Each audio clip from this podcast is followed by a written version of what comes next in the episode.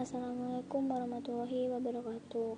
Perkenalkan nama saya Winda Kurniawati dari kelas 10 IPS 1 nomor absen 34 Di sini saya akan menceritakan gejala sosial yang ada di lingkungan masyarakat. Gejala sosial ditandai dengan adanya masalah sosial. Gejala sosial yang dipengaruhi oleh tingkah laku orang-orang yang ada di dalamnya.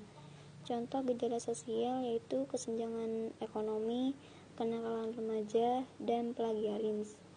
Gejala sosial yang ada di masyarakat muncul karena perubahan sosial, karena pada dasarnya manusia mengalami perkembangan yang pada akhirnya dapat berpengaruh pada sistem sosial, nilai, sikap, dan perilaku. Karakteristik gimana suatu kondisi bila disebut sebagai gejala sosial yaitu beraneka ragam, bersifat dinamis, sulit dimengerti, kurang objektif, bersifat kuantitatif, punya dampak positif dan negatif, dan sulit diprediksi. Terima kasih.